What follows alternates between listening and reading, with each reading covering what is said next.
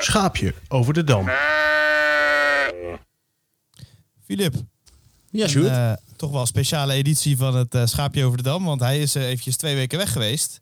Ja. onze rubriek had goede redenen. Eén, mm -hmm. omdat jij een hele leuke rubriek had verzonnen. En twee, omdat Arco Bomgaars vorige week even kon vertellen dat de club in de fik stond. Ja. Nu weer eventjes iemand geregeld. En je wist het al. Ik kon het niet voor me houden. Joop Pielers bij ons in de show. Welkom Joop. Goedenavond. Goedenavond. Ja, uh, aantal seizoenen uh, voor de fusie ook bij, bij uh, FC Dordrecht gespeeld. Wat we nu dan FC Dordrecht noemen, althans. Ik zag... Nee, alleen, alleen tijdens de fusie. Na de, okay. Toen de fusie tussen, tussen Dordrecht en SVV plaatsvond, toen ben ik op ja. de Kromme Dijk terechtgekomen. Ja, ik zie inderdaad SVV, daarna SVV Dordrecht 90 en Dordrecht 90, 90 zelf. En ik las een achtjarig contract getekend... Um, en toen uiteindelijk, uh, toen de trainer wegging, na één jaar ook alweer uh, laten ontbinden. Hoe, hoe zat dat in elkaar? Want Wim Jansen was toen de trainer, toch, bij SVV? Uh, nee, die was technisch manager. Dick Advocaat was trainer. Dat is zeer zeker waar, dat klopt inderdaad. Dick Advocaat was toen de grote trainer bij, bij SVV. Maar ik kan me heel goed voorstellen... Met, want... samen met Peter van Velzen. En in dat jaar heb ik toen getekend, omdat uh, Wim Jansen uh, en John van Dijk helaas overleden, uh, mij graag daarheen wilden halen. dus toen hebben we een akkoord bereikt. in dat jaar speelde Dordrecht in de eerste divisie, zoals het toen nog gelukkig heette. Dan kon je in ieder geval je tong niet breken. ja. En daar was Hans Verrel toen hoofdcoach. Ook helaas overleden. Ja, die, uh, uit, uit, die tijd uh, helaas al een, uh, een hoop trainers heen gegaan. Maar die tijd, ik kan me heel goed voorstellen. Jij tekende voor SVV. Nou, dat werd één seizoen los SVV. En toen kwam er opeens een, een samenvoeging van twee clubs. Hoe was, hoe was dat voor, voor, voor jou en voor jullie als spelersgroep? Dat je opeens ja, met een hele bubs aan spelers en twee clubs die bij elkaar komen. Nou, ik denk dat, dat de twee eigenaren van de verenigingen die ook zakelijk wat belangen hadden. Uh, ja, zoals, we meer gezegd hebben, is het, was het in een avondje geregeld. Uh, ik denk alleen niet dat ze heel erg erg gehad hebben in wat dat kon betekenen voor, voor mensen. zowel de spelers als alle andere werknemers die, die rond, rondom zo'n elftal liepen. Nou, die moesten daar allemaal naartoe. Dus feitelijk, op het moment dat we daar gingen trainen, uh, liep je eigenlijk met twee selecties en, en allerlei verschillende mensen. Ja, dat was gewoon bijna uh, niet werkbaar. Uh, met elkaar hebben we. Nou, op een gegeven ogenblik is, is de bom een beetje gebarsten tussen de twee eigenaren, zowel Wim de Brave, nee, Kees de Brave, sorry. en, en John van Dijk. daar is een dispuut ontstaan. Die zijn uit elkaar gegaan. Ja, dus het bleef helemaal met, uh, met de situatie zitten. Uh, ook uh, van, advocaat stapte op een gegeven moment op. met, samen met, met Peter van Velzen. Ja, toen wij samengevoegd werden, werd Hans Verhel in technisch manager binnen Dordrecht. Ja, die kreeg ook in één keer een, een buts ellende over zich heen. daardoor. En die werd toen ook nog eens een keer hoofdtrainer. Ja, dat zijn allemaal dingen die, uh, ja, die, die op dat moment niet echt lekker liepen. Ik denk als, uh, als het wat beter uh, en wat langer had geduurd, ehm, dan hadden ze waarschijnlijk een, een aantal mensen kunnen verkopen. Ehm, of een aantal mensen kunnen wegdoen.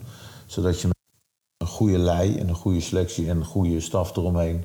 En andere mensen die noodzakelijk zijn om goed te kunnen functioneren. van start hadden kunnen gaan. Dus al met al was het uh, zeker het eerste half jaar was het zeer, zeer rommelig. En dat gold uh, voor iedereen. Dus dat, dat maakt niet uit of je speler was of niet. Het was voor iedereen uh, ja, die er op dat moment bij betrokken was... gewoon een hele vervelende en, en rommelige situatie... waar niemand wist precies hoe en wat. Er stond ook dat je in conflict raakte met de club ook... en in 93 het contract liet ontbinden... Um, wat was daar toen de tijd uh, gebeurd? Tussen jou en de club? Nou ja, dat zijn allemaal oude koeien. Uh, daarvoor waren Ja, eh, al... eh, dat, is, dat is deze rubriek al een klein beetje. Een gruwelijke oude koei. Ja. eh, Ja. Weet je, ehm, ik, ik wil daar niet te lang over hebben. Er, er zijn zeg maar, in dat voortraject zijn er een aantal dingen eh, eh, gebeurd. Ehm, en en eh, de businessclub van Dordrecht, eh, waar ook een aantal best wel behoorlijke mensen met zaken eh, vanuit de Dordrecht en omstreken in zaten, die eh, ageerden daarop richting de spelersgroep. Ehm, en dat was eigenlijk allemaal nog het eerste jaar. En toen heb ik eh, eh, een keer een, het verhaal gehouden eh, voor de spelersgroep, of sorry, voor de eh, businessclub. En toen kregen ze een ander inzicht waarom er dingen gingen zoals ze gingen. Eh, omdat ze ook niet de juiste informatie hadden verkregen. Ja, eh, voor ons als groep, als spelersgroep, die graag in de eerste eredivisie wilde blijven. eh, en wat het eerste jaar ook prima gelukt is. Met hangende weuren weliswaar, maar wel prima gelukt is. Ehm, ja, stond er maar één ding voorop. En dat was dat de organisatie dusdanig werd en dat alle afspraken die er waren dusdanig nagekomen werden. eh, dat je alleen maar feitelijk hoefde, hoefde na te denken aan... ik moet me eigenlijk zo goed mogelijk eh, presenteren eh, tijdens trainingen. En tijdens de wedstrijden, één, hadden de sponsoren, eh, iedereen daarin begrepen, ook eh Den Braven... Eh, maar zeker ook de toeschouwers die eh, toch wat meer aanwezig waren dan eh, gemiddeld in Dordrecht, hadden daar gewoon recht op. En dat was het enige wat wij wilden. Eh, dat betekende dat er best wel heel veel dingen eh, ja, niet, niet helemaal liepen eh, zoals het had gekund in mijn ogen en zoals het had, zeker had gemoeten. En, en eh, al- als, als er dus voor andere dingen gezegd worden dan dat er in werkelijkheid was, ja, dan, eh, dan krijgt de, de, de selectie, dus de spelersgroep plus technische staf, krijgen het nog steeds veel lastiger om datgene te doen waarvoor ze eigenlijk zijn aangetrokken. Ehm, en daarvoor heb ik dat gesprek toen gehad. Nou, dat is ehm, aan de ene kant goed ontvangen. Aan de andere kant door, voor de, eh, door de leiding die eh, er was, eh, veel minder. Ja, en, en dat omdat er toch dingen gezegd werden die, die gewoon absoluut die we ook konden bewijzen en die we ook op tafel gelegd hebben. die gewoon op dat moment helaas niet gedaan werden. Kijk, de spelersgroep heeft altijd gezegd: van luister, zorg nou gewoon dat de organisatie om, om, om het eerste en tweede elftal, want dat was het op dat moment alleen. eh, de jeugdopleiding was er helemaal op dat moment nog niet dat dat in ieder geval heel goed georganiseerd is. En, en dan nog gaan de dingen fout. En luister, ik heb in allerlei organisaties ook na mijn carrière, eh, actieve voetbalcarrière mogen zitten. En dat waren best wel hele aardige organisaties. En ook daar gingen dingen fout. Dus dat was niet het punt. Alleen er waren gewoon dingen. ehm, ja, als dat gebeurt, dan, dan ontstaat er iets in de, in de spelersgroep van ja. Maar eh, hoezo en waarom? En dat was, de, dat was de eerste stap waarom er wat scheef liep.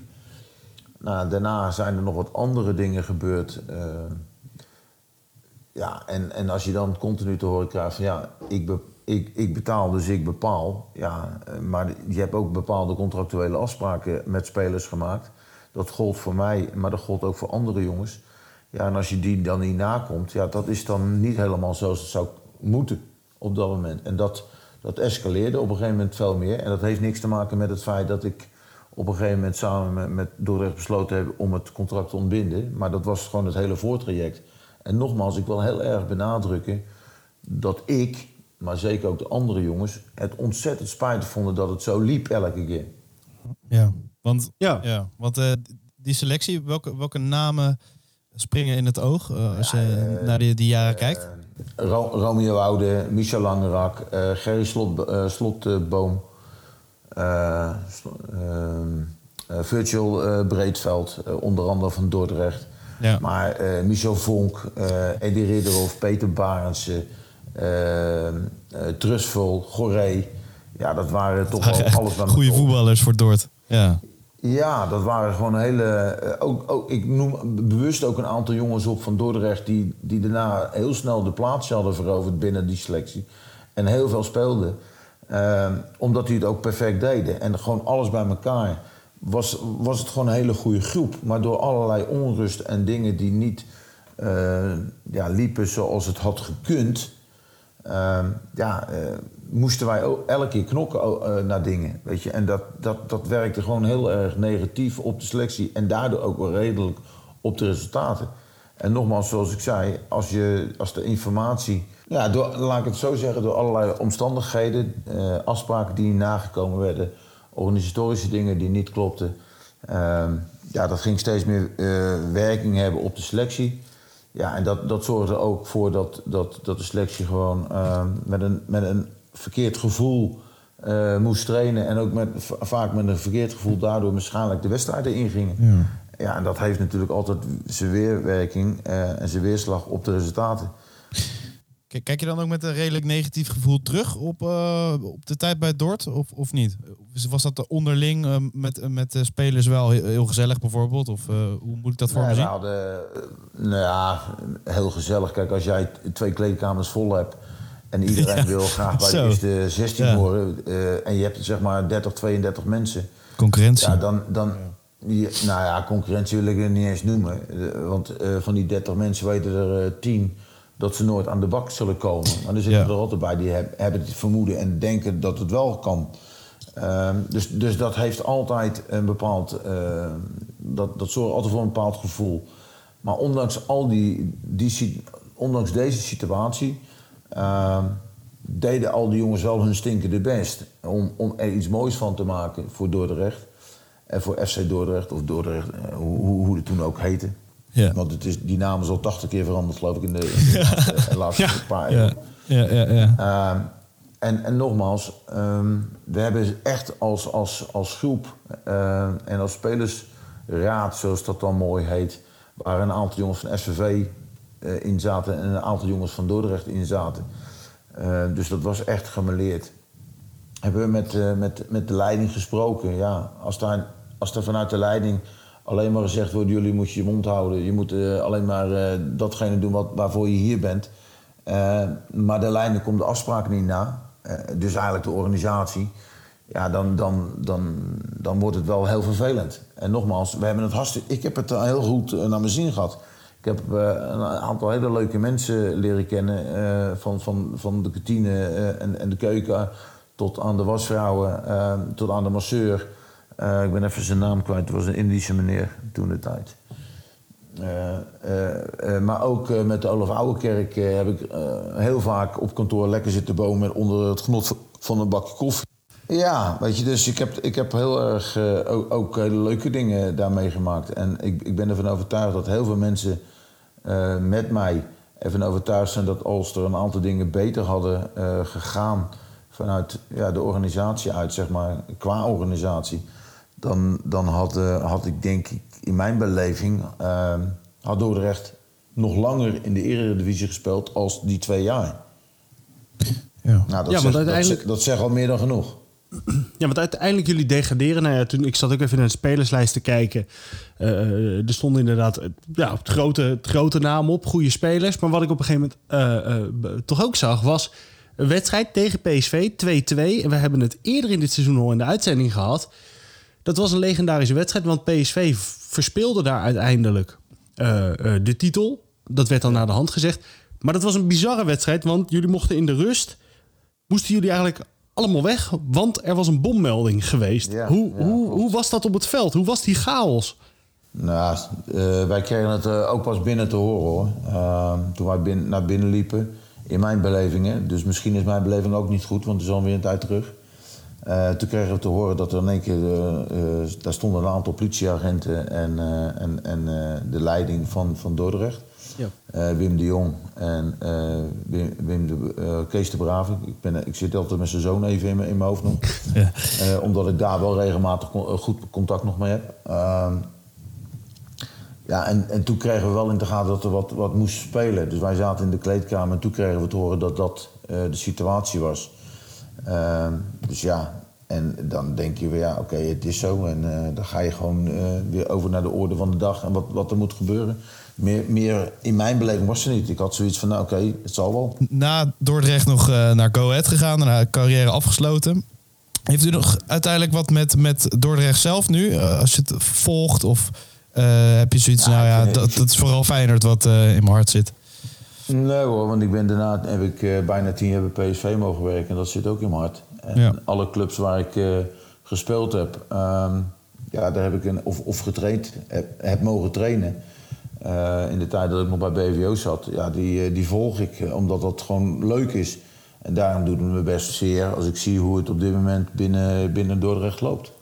Ja, want het ging over de chaos met eh, de fusie. Maar het is nu op een andere manier best wel chaos bij Dordrecht. Sportief natuurlijk ook heel slecht. Eh, Ja, ziet het nog gebeuren dat Dordrecht weer, weer helemaal eh, terug kan komen? Eh, in de eerste divisie, ja, Ja, weet je, kan veel het is gebeuren. natuurlijk wel zo, ja, het is natuurlijk wel zo dat. eh, ik, ik begrijp dat ze nu aan het kijken zijn voor een investeerder of een, iemand die het over wil nemen. Ja, Ehm, ja, dan, krijg je, dan zou er weer een situatie kunnen ontstaan zoals in het verleden dat eh, met Kees de Brave was en, en John van Dijk bij SOV. Eh dan ben je afhankelijk van één persoon. Ik denk dat het misschien voor Dordrecht wel beter is als ze een eh, investeringsmaatschappij kunnen vinden of een, eh, een aantal investeerders, zodat ze niet afhankelijk zijn van één partij. Eh, kijk, als je betaald voetbal wil spelen, dan, dan alles valt en staat toch wel met een bepaald budget. En als jij in de eerste divisie leuk mee wil doen, Ehm, ja, dan heb je tegenwoordig ook een bepaald budget nodig. Want het budget in de tweede divisie is misschien net zo hoog als van Dordrecht. Dus ja, eh, wat dat betreft... eh, en, en daar trainen ze misschien drie keer in de week op de avonden. En bij Dordrecht trainen ze overdags. Dus ja, Ja, je zult, ja, ja. Je zult eh, of heel creatief moeten zijn... wat Marco Bogus een aantal jaren best wel aardig geweest is. Ja, op dit moment, de laatste jaren, is het wat minder. Of je moet een goede samenwerking aangaan met een aantal andere partijen, sportieve partijen, die die jongens kunnen leveren, die echt iets toevoegen. En alleen denk ik dat dat weer lastiger gaat worden. Eh, omdat je tegenwoordig eh, eigenlijk een verlengde onder 19 hebt gekregen. Want de onder 23 eh, zie ik gewoon als een verlengde onder, onder 19 omdat eh, de meeste BVO's de onder 19 gewoon opgedoekt hebben. En, het zogenaamde junior, hoogste junior elftal is onder 18. Dus echt veel verschil zal het niet maken. Het enige verschil is dan wel dat jongens zeg maar, die normaal gesproken verhuurd zouden kunnen worden... omdat ze eh, ja, misschien te goed zijn voor een tweede elftal... en, niet in de, en waarbij het tweede elftal niet in die piramide meedoet... eh, dan verhuurd zouden kunnen worden. En dat, dat wordt nu dan een stuk minder. Ja. Dus dat, ook dat maakt het wat lastiger.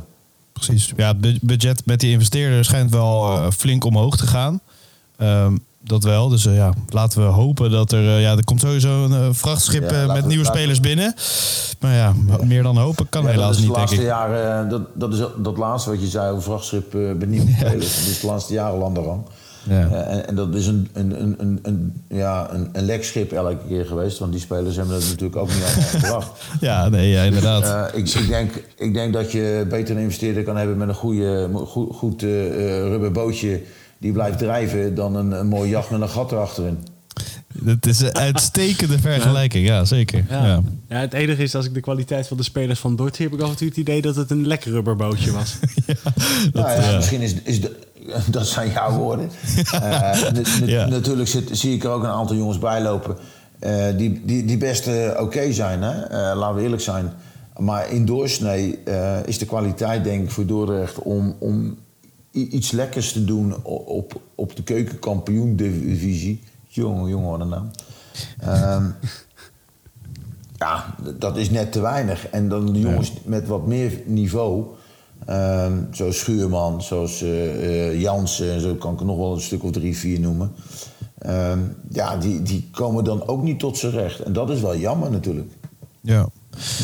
Zien we je trouwens ook ooit nog terug misschien in een functie? Sta je daarvoor open? Of eh, hoe, eh, want Nou, volgens mij nog bij de eerste klasser eh, nu aan de slag nog, bij Heinoord. Ja, al een paar jaar ben ik in de amateurwereld bezig als hoofdcoach. Ehm, een jaartje of zeven nu.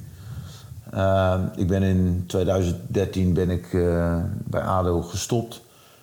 Toen ben ik op een middelbare school gaan werken als mental coach. Laat ik het maar zo noemen. Ik probeer kinderen te begeleiden die, die wat eh, mentale problemen hebben of plannen organiseren. Zo zijn er een aantal dingen die daaronder vallen. Ehm, een hele hoop dingen mag ik niet, omdat ik daar de, de opleiding niet voor heb. Maar heel veel dingen mag ik wel. En dat is ontzettend leuk. Ik heb het ook ontzettend naar mijn zin. Zeker in combinatie met het eh, hoofdtrainerschap, die ik nu nog steeds eh, in de amateurwereld doe. Uh, al weet ik niet hoe lang ik dat nog zal doen. Ja, uh, het blijft toch een belasting. Maar we zullen, we zullen zien hoe de toekomst dat, uh, hoe, hoe, de toekomst dat gaat doen. En wat dat brengt. maar ik zeg nooit nooit, weet je. Er zijn altijd functies in het betaalde voetbal die ik nog niet gedaan heb. Hoofdcoach zal ik niet worden, want daar heb ik de papieren niet voor. Maar er zijn altijd andere functies in het betaalde voetbal die ik ook niet heb uh, gedaan. Ja, iets van technisch directeur uh, misschien? Die, uh, ja, bijvoorbeeld. Die, of Dordrecht zoekt hem scouting, noem maar op. ja. ja. waar ik dan zeker wel over na zal denken. Maar het is niet zo dat ik ehm, bij elke aanbieding zomaar instap. Omdat ik, net wat ik net zei... ik, ik heb het ontzettend naar mijn zin in de, in de manier... en op de manier zoals het nu allemaal gaat. En de werkzaamheden die ik nu allemaal mag doen schaapje over de dam.